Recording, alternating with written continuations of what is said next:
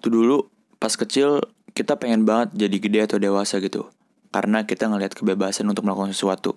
Seperti bisa nonton TV sampai malam, bisa bermain game tanpa kenal waktu, tanpa adanya aturan terikat dari orang tua.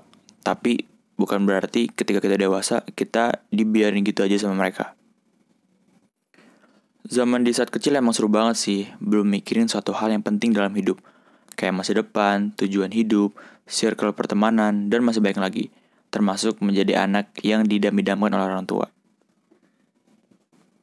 Sewaktu-waktu, kadang ngerasa serba salah sih terhadap apa yang kita lakuin.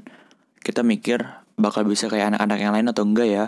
Bingung sama diri sendiri, gak ngerti sama diri sendiri, dan ujung-ujungnya gak ngenalin diri sendiri. Pada intinya, lebih banyak takutnya sih dan kebanyakan gak bisa diungkapin. Tapi menurut gue, tuntutan hidup kadang ngebuat kita gak nyaman. Tapi tanpa tuntutan hidup, kita gak bakalan bisa berkembang.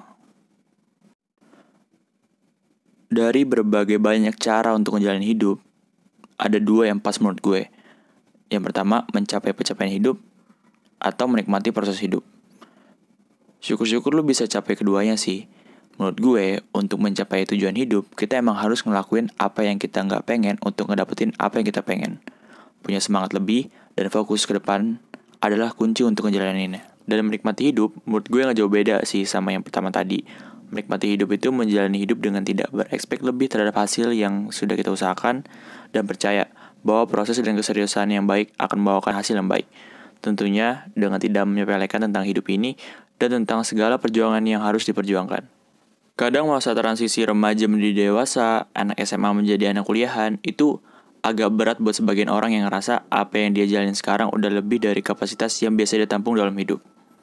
Dan kita juga harus sadar bahwa setiap orang punya kapasitas masing-masing tentang apa pun itu. Dan jangan menyamaratakan kapasitas mereka dengan kita. Pada intinya, balik lagi sih sama gimana lu untuk ngejalanin hidup. Memandang hidup. Dan hidup ini kayak gimana sih menurut lu? Kalau lu udah nemuin cara bagaimana ngatasinnya, bagaimana menghadapinya, yakin itu bakal lewat begitu aja dan percaya ini semua bakalan selesai dan berakhir. Oke, sekian dari gue. Terima kasih udah dengerin podcast gue. See you on the next podcast.